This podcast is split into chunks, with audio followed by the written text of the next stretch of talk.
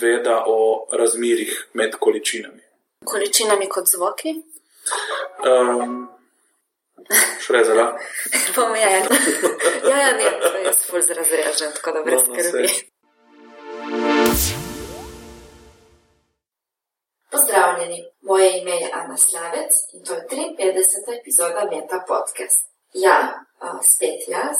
Je Luka vzel si nekaj pauze, ampak zadnjič po dogodku, ki smo ga imeli v kavarni Unja, je omenil, da mogoče pa se jeseni vrne. Do takrat bo Meta podcast vodila sama.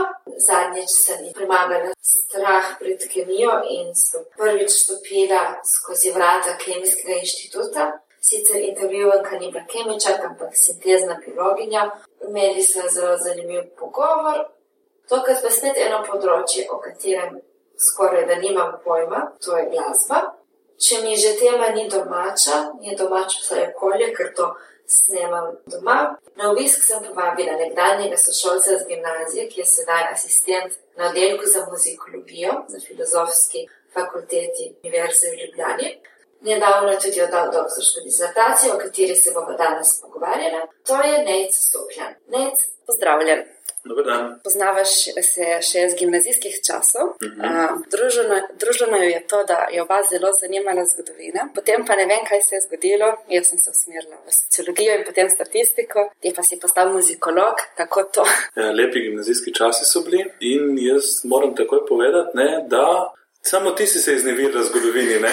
Jaz sem tudi zgodovino študiral, tako da jaz sem študiral zgodovino in muzikologijo. Dvopredmetni Dvopredmetni študij. študij na filozofski fakulteti in potem sem pa res pristal bolj v muzikologiji, čeprav seveda tudi zgodovino še zmeraj z veseljem, se še zmeraj z njo z veseljem ukvarjam.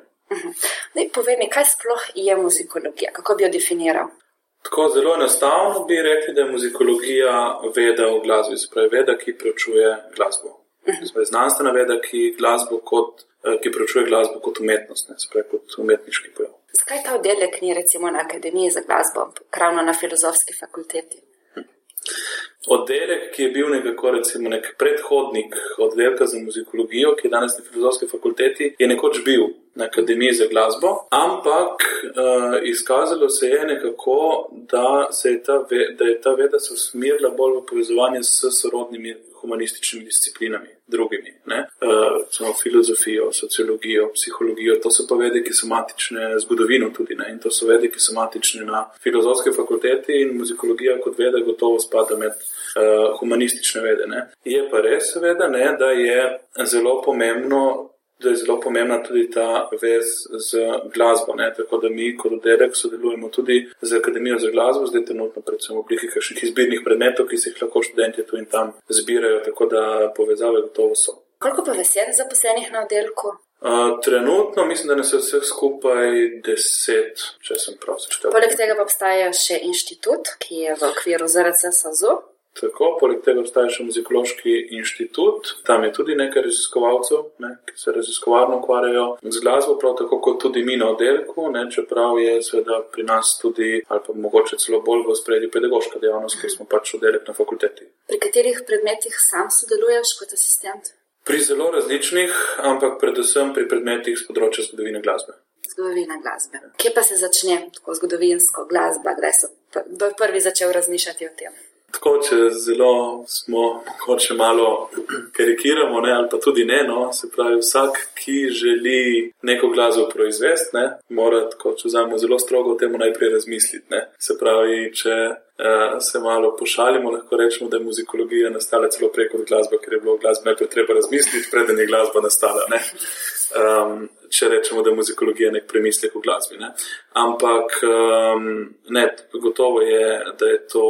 Um, stvar, seveda, ki je zelo, ki je zelo stara, ne? tako kot se preučuje. Druge stvari že v antiki, že v prazgodovini se podobno lahko ukvarjamo tudi z glasbo iz tega časa, seveda, kolikor nam je, je dostopne po virih. Ne? In uh, v antiki, kaj, mislim, kako se je to začelo, so znana kakšna dejstva o tem, kakšni veri. Virov iz antike je več o glasbi. Če govorimo zdaj recimo nekako o začetkih glasbe, recimo v naši zahodni civilizaciji, ne, vemo, da nekje na začetku tega, podobno kot sicer tudi v zgodovini, stojijo stari Grki. ne, ki so pa tudi bili podvrženi razno raznim vplivom od drugotne. Tako da tudi oni niso bili izolirani in naredili vse, kar je znične. In virov za, glas, za antično glasbo je kar precej. Ne. Se pravi, so um, na eni strani so viri, ki so pisni ohranjeni, ne, se pravi. Spisi antičnih um, teoretikov, antičnih filozofov, ki so razmišljali o glasbi, potem so seveda razni materialni viri, tudi kakšni ostanki inštrumentov, ne, čeprav niso tako zelo pogosti, ampak so ohranjeni, potem upodobitve, ne, spravi, slike, poslikave. Um, pa tudi ne, ohranjenih je celo nekaj zapisov glasbe same, tam okoli 40 če bi danes rekli, recimo, skladba, kompozicija je ohranjenih iz antike. Grki so poznali svojo glasbeno pisavo, ne, spravi, znali so pisati note, če tako zelo poenostavimo. Um, Ampak to niso bile note, kot jih poznamo. Ne, ne, ne, imeli so posebno notacijo, zapisovali so note pravzaprav s črkami abecede, ki so jih tem recimo, zelo enostavno obračali v različne položaje. Um, zadnjič, ko smo se srečali, smo se pogovarjali tudi veliko o tem, da je veliko bilo takrat povezave med glasbo in neko znanostjo, matematiko. Um, ja, tukaj gre potem pa za premislek v glasbi. Ne? Torej, glasbo so stari Grki dojemali nekoliko drugače kot. Um, Morda kot jo mi dojemamo danes, ne v tem najširšem smislu.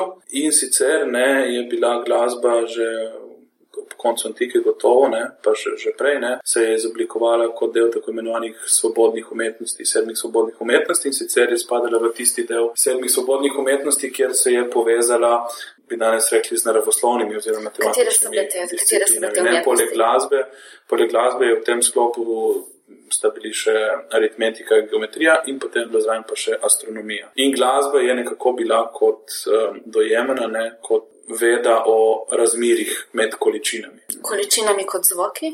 Razmere med različnimi količinami nasploh. Se mhm. pravi, v konkretni zveneči glasbi so to razmerjene zvoki. Mhm. Sveda, ne? Se pravi, če imamo razmerje 2 proti 1 in si potem to predstavljamo, kot da če napnemo dve enaki struni in eno prekinemo na polovici, tako da imamo razmerje potem.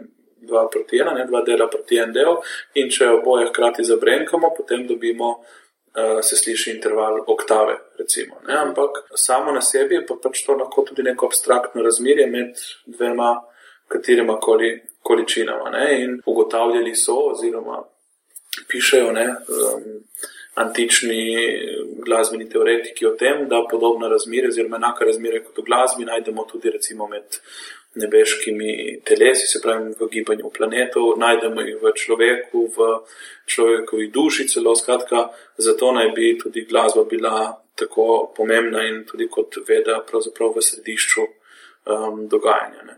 Mhm. Kako se je potem skozi zgodovino to spremenilo, recimo v srednjem veku? Se to takrat tudi ohranilo? Uh, v srednjem veku so precej, torej, mogoče treba povedati to, ne, da, da so bili ob koncu antike nekateri pisci, ki so to antično, predvsem grško tradicijo, prenesli v latinščino in v latinski srednji vek potem. Um, in da se je to precej ohranjalo, bralo, prepisovalo. In študiralo tudi na univerzah, in ta še pisec, recimo, zelo pomemben je bil Boeti. Um, Tako da se je ta tradicija kar um, ohranjala skozi srednji vek, hkrati pa se je ta tradicija začela tudi vedno bolj prilagajati neki sočasni glasbeni danosti. Spravi, um, da ti teoretiki, glasbeniki, pisci v glasbi ne začnejo ugotavljati oziroma razmišljati tudi o sočasni dejanski zveneči glasbi, od katere saj na prvi pogled recimo so bili ti antični teoretiki morda nekoliko odmaknjeni, oziroma niso direktno se s tem ukvarjali neposredno.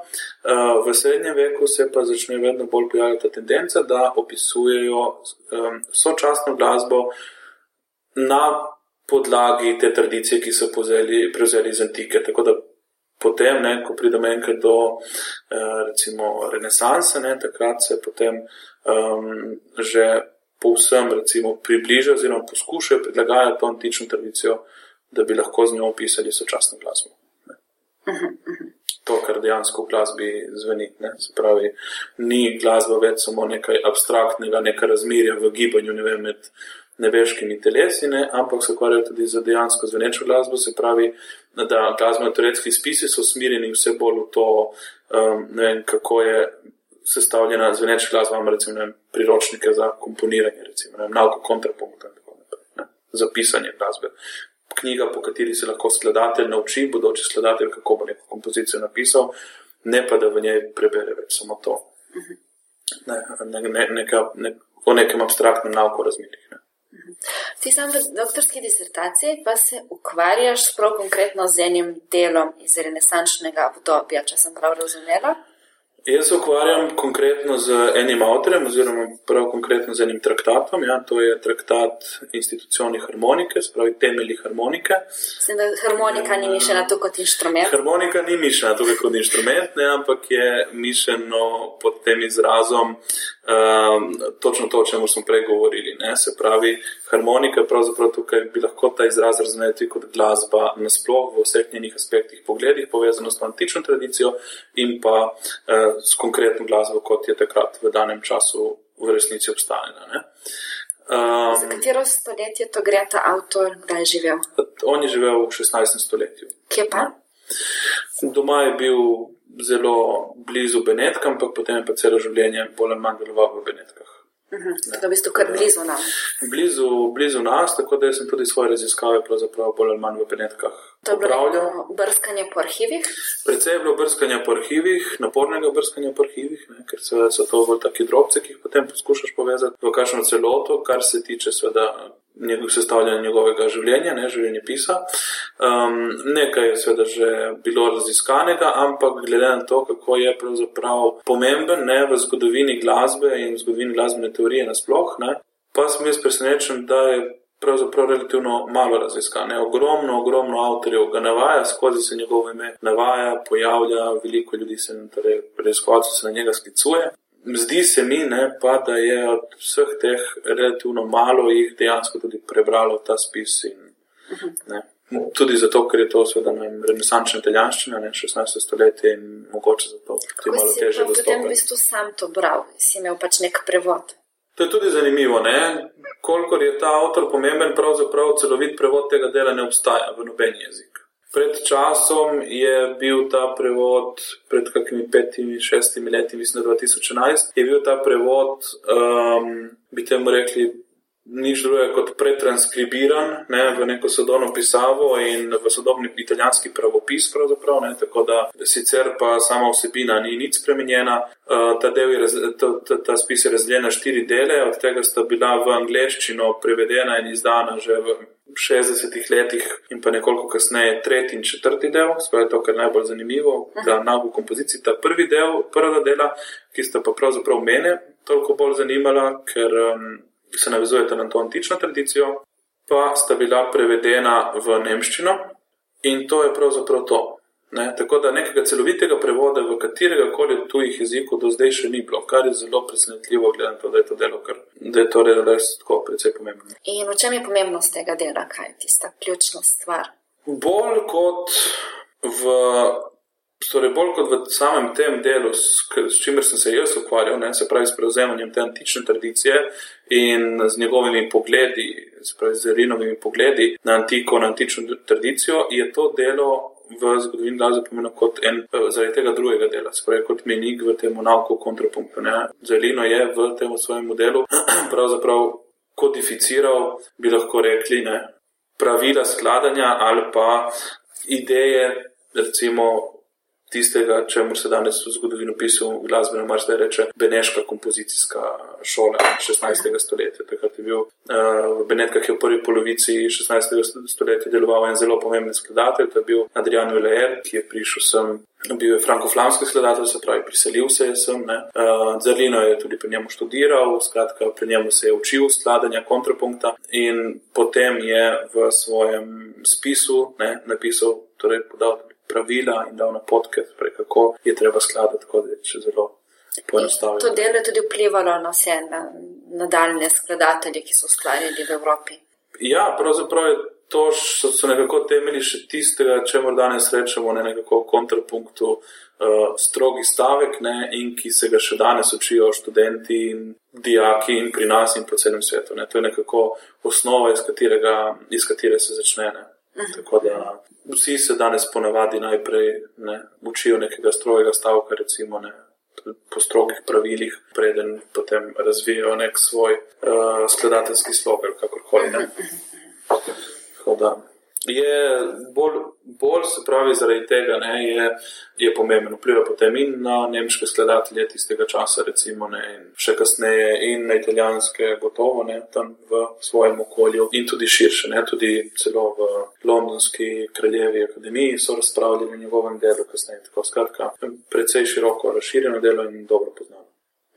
Ampak to v bistvu ta, ta spoznanja, to vse velja za klasično glasbo, se lahko to prenese tudi vem, naprej na popularno glasbo. Glasba je ena, ne? glasba je ena, ki pa ima sveda, oziroma zdaj bom rekel tako, ne, če bo odvisno, kako gledamo, ne? če bo me kakšen netno muzikolog poslušal, me bo za všesa, da je glasba ogromna na celem svetu. Ne. Se pravi, mi pa ponovadi govorimo o glasbi kot nekem krovnem pojavu ne, in potem od spodaj imamo različne zvrsti in tako naprej. Ne. Ali pa več tradicij, recimo, če rečemo kakorkoli, neodvisno seveda, kako se o tem um, razmišlja ali pa kako se, kako se to um, dojema. Ne. Um, in gotovo je, ne, da to, če tukaj mislimo na popularno glasbo, recimo 20. stoletja, ne, to, kar se ne, v zadnjih desetletjih dogaja in tako naprej, da je gotovo to, kar imamo danes, ne plod nekega, nekega razvoja. Ne. Jaz mislim, da je vedno tako, ne, da si ponovadi vedno vsaka, vsaka generacija ne, gradi na tistemu, kar je bilo prej, oziroma je nekako. Odvisen pa izhaja iz tistega, kar je bilo prej, ne, in lahko to naredi na dva načina, ali to prevzame in nekako gradi naprej, ne, ali pa to zavrne in naredi nekaj čisto novega, še vedno mora biti v nekem odnosu do tistega, kar bo prej. Ne? In v tem smislu, seveda, je celoten razvoj glasbe skozi zgodovino, kot tudi celoten zgodovinski razvoj nasplošno, seveda, aktualen in povezan tudi s sedanjostjo. Ne? Tako da v tem smislu, ja, ne zdaj pa, da bi konkretno povezovali, ne vem, nago kontrapunkt 16. stoletja z neko popularno skladbo, ki jo danes slišimo po radiju, ko se vozimo v avtu ne, bi pa um, torej, težko našli na prvi pogled nek poslušalec, lajčen, neke konkretne povezave. No, ampak zdaj, zdaj se pač odprlo ne to vprašanje definicije različnih zvrsti glasbe. Pa, vem, pač glasba je na tako področje, v katerem po eni strani pač vse, tako ljudi to zanima, mislijo, da pač nekaj vejo o tem, hkrati pa je pre, precej neke teorije zadaj. Ne? Je, glasba je gotovo en zelo večplasten pojav, ne, ki ga lahko preučujemo z različnih, zelo različnih vidikov. In tukaj je muzikologija v tem smislu, ne, kot so se prej pogovarjali, zelo mejna veda s kakšnimi drugimi vedami. Recimo s psihologijo glasbe, sociologijo glasbe, z estetiko, ne, oziroma s, s filozofijo glasbe. Tukaj ni samo zgodovina, da se preučuje samo, kaj se je v zgodovini dogajalo. Čeprav je seveda glasbo vedno, tako kot vsako drugo umetnost, oziroma pravzaprav vsak drugi pojav, vedno, če ga želimo razumeti, treba ga opazovati v kontekstu, v katerem je nastal. Ne, pravi, če mi ne v kontekstu poznamo, bomo tudi pojav sam na sebi težko razumeli, ne, ali pa težje vsaj. Ne. Tako da tukaj je to področje zelo široko in odvisno iz katerega gledišča zdaj mi to glasbo opazujemo. Ne? Kaj nas te glasbe zanima? Ali nas zanima, ne, kako glasba funkcionira v neki družbi, ali nas zanima, kako glasba vpliva na človeka. Skratka, um, tukaj je marsikaj, kar lahko opazujemo. Predlagam, da greva na ta zadnji končni sklop, ki ga postavimo vsakemu intervjuvancu. Lahko pišeš eno, zelo najprej bom vprašala, kdo je tvoj mentor? Moj mentor je dr. Juri Snoj, ki je zaposlen na Muzikološkem inštitutu, znanstveno-raziskovalnem centru SAZU. Lahko pišeš kakšno zanimivo anegdoto povezano z njim? Je prav kakih takih anegdot ni, ne, mi da z mojim mentorjem mislim, da sem imela zelo redu odnos in ga zelo cenim in ga zelo spoštujem, je zelo velik strokovnjak uh, na svojem področju, ki zna marsikatero dilemo, seveda, ki je um, jaz sam kot doktorski študent ne bi znal razrešiti, seveda. Um, Pomagati razrešiti, da pride do nekega cilja. Ne? Uh, zdaj, prav kot anegdoto, mogoče to, ne, da sem jaz v tem današnjemu svetu, ne, ker smo vsi odvisni od raznih elektronskih medijev in tako naprej, ne, in vsi imamo že elektronsko pošto, recimo na mobitelu in nam se to čivka in piska in tako naprej. Ne, mi je bilo zelo všeč, da je on vedno. Tako sem vsaj ugotovil, ko sem njegove, njegovo elektronsko pošto prebiral, vedno nekje v istem času v dnevu, ne vedno okoli enih, med eno in dvejo. Sem rekel, vsaj eden, ki ni tako odvisen od tega. Potem sem pa nekoč ne, dobil en mail v nedeljo zvečer in sem rekel, pa ne še on zdaj. Smo vsi pa ne še on. Si imel mogoče tudi kakšnega sementorja iz tujine? Ne, sem sicer želel priti do nekaterih, ki so se s tem področjem ukvarjali. Namreč pri nas se s tem področjem ni ukvarjal pravzaprav še nihče, sploh z zalinom, ne, tudi tako čisto v svetovnem merilu je bolj malo raziskovalcev, ki se konkretno z njim poglobljeno ukvarjajo. Pa seveda mi ti ljudje nekako, torej se niso niti odzvali, ne, ampak je pa res, da vprašanje, če so sploh videli te moje maile.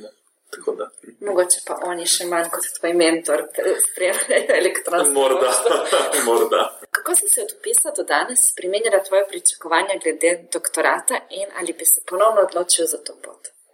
Torej, meni je bila na začetku vsa tema super, odlična ne? in sem imel ogromno idej, kaj bom jaz vse naredil. In tako, potem, ko sem pa enkrat začel raziskovati in študirati, ne? sem pa ugotovil, ne, da pravzaprav, ne, ko sem prišel na konec doktorata, ko sem vse to naredil ne, in že oddal nalogo, sem šele ugotovil, da sem pravzaprav na začetku. Ne. Sem šele ugotovil, kaj bi točno rad delal, v kateri segment bi se točno rad poglobil, ker traktat za Lino je tako. Traktat za Lino pravzaprav poskuša zajeti vse vedenje o glasbi, ki obstaja, se pravi, vso zgodovino, vse, kar in jaz sem to poskušal kot celoto primirjati, recimo z antiko, z antično mislijo in tako naprej. Ne? Če bi vzel samo en segment, recimo tega, bi bilo najbrž lažje. Tako da, ko sem bil pri mentorju, recimo, ne, mogoče pa to ta anekdota. Ne? In me je vprašal, tako kakšnih 14 dni pred dodajo, ne, da če bi zdaj imel še pol leta časa, da kaj bi spremenil, sem rekel, da bi spremenil temo. Mogoče potem to že odgovor na isto vprašanje, kaj boš počel čez pet let. Morda. Ne, mislim, odpira gotovo, odpira gotovo ta traktat uh, ogromno, ogromno različnih smeri, v katere se še da iti in ki so še popolnoma neraziskane. Če bi imel priliko iti na kavo s predsednikom vlade, kaj bi mu predlagal, da spremeni na področju znanosti? Prvo, kar, torej, kar bi mu jaz predlagal, ne glede na to, ne, da je predsednik vlade tudi sam znanstvenik, ne, ki je bil še do nedavno tega deloval na univerzi, ne, bi bilo mogoče dovolj samo to, da bi ga nekdo podsukal za rokav, da, da se malo spomni, kako je bilo v prejšnji službi. Morda bi to kaj pomagalo, ker se mi zdi, da je že malo pozabil, odkar je tja prišel, ne, kako je bilo v prejšnji službi, kakšne so težave in kakšni so, kakšni so izzivi, ne, mogoče tega področja, takšen imam jaz no, občutek, je pa res, da predsednik vlade se ukvarja še z marsičim in da mogoče je tukaj pravi naslov res ministrstvo za izobraževanje, za katerega se mi pa tudi zdi, da vsaj kar se tiče muzikologije, ne, mi tukaj poskušamo, smo aktivni z nekimi pobudami, ampak da kar malo spijo. Če denar ne bi bil omejitev, kaj bi raziskoval? Točno to, kar raziskujem zdaj. Tako da morda bi kakšno noč več prespal v Benetkah. um, kaj boš počel čez pet let? In kaj čez 40 let? No, čez pet let najbrž približno to, kar počnem zdaj, tako si predstavljam. Čez 40 let, ne, za toliko naprej jaz nikoli ne delam planov, ampak zaenkrat ne, si tudi predstavljam, da bom kaj podobnega počel, ne, se pravi, najbrž kaj predaval. Uh, skratka, se še zmeraj bil v muzikologiji, upam, ne, da mi bo to uspelo, ne, predstavljam pa si, ne, da bomo verjetno vas ob ne mogu, kakorkoli že, verjetno še zmeraj moral hoditi v predavalnico in da bojo študenti morali za vsak slučaj imeti spit iz prve pomoči, ne, ker dokler mi bomo se upokojili, se mi zdi, da bo še kar trajalo, če se bomo spomnili da se nam ne bo kaj zgodilo. Um, imaš kakšno priporočilo za knjigo, igro, film, spletno stran, podcast? Pravzaprav težko, da imam zdaj kakšno priporočilo za igro, film in uh, spletno stran sploh ne. Za knjigo pa tako je, ne, v zadnjem času sem seveda bral več ali manj to, kar sem bral za doktorat in študiral. Morda v tem sklopu sem prebral tudi eno, mislim, da je zelo uredno knjigo. To je bila knjiga The Swerve, ki jo je napisal Stephen Greenblatt angliški avtor in uh, govori prav o tem, kako so v renesansi ponovno odkrili eno antično Lukrecijevo delo. Dererum natura in kako naj bi to imelo zelo veliko vpliv potem sploh na izoblikovanje renesansa, pa tako zelo poljudno napisana in uh, zelo dobro pogled, tako da je bilo bolj se bere skoraj da že kot roman, kot pa neko znanstveno delo, čeprav je znanstveno delo z vsem znanstvenim aparatom in tako naprej bomo dodali povezavo tudi za poslušalce. Še zadnje vprašanje: koga od nam znanih ali neznanih bi povabil na večerjo, če ne bi bilo nobenih omejitev? Uh, jaz na večerjo grem samo z mojo zalo. In nimam želje po druženju ne s politiki, ne z mrtvimi ali živimi zgodovinskimi osebnostmi, s komerkoli. Z nobenim muzikologom, skladateljem. Z nobenim muzikologom, skladateljem. S kakšnim skladateljem bi šel morda kdaj na kakšen koncert, s kakšnim drugo osebnostjo morda kdaj v knjižnico ali pa na kakšen potopisni večer, ampak na večerjo grem zalo. Dobro, potem te ne bom več zadržala. In bomo počasi zaključovali pogovor, da lahko greš zadnji domov. Na večerjo. najlepša hvala za pogovor. Hvala za vabilo. Poslušali ste Meta podcast, ki ga pripravljava Luka Avsec in Ana Slavec oziroma začasno samo jaz. Kakorkoli, pogovarjava se z doktorskimi študenti in študentkami pred zaključkom doktorata z različnih področji znanosti. Če vam je všeč, kar počneva, naj jo lahko podprete z donacijo portalu Metina Lista, ki gostuje ta podcast, pa še veliko drugih zanimivih znanstvenih vsebin. V zahvalo boste prejeli knjigo Zanimiva, navdihujoča, uporabna, zbornik prispevkov gostov prvih dveh sezon. Na www.metina.si gostujete še dva podcasta: Metina čaj o medijih ter Metamorfoza o biologiji organizmov. Za pohvale, pripombe in predloge me dobite na Twitterju, kjer sem Afna Aslavec. Vesela bom, če pri omembi uporabite hashtag metaphod.cast, ko se napiše. Dobrodošli so tudi komentarji na Facebook strani Metine liste. Če teh omrežij ne uporabljate, pa uporabite elektronsko pošto znanost afna metina lista.si. To je to, se slišimo čez 14 dni.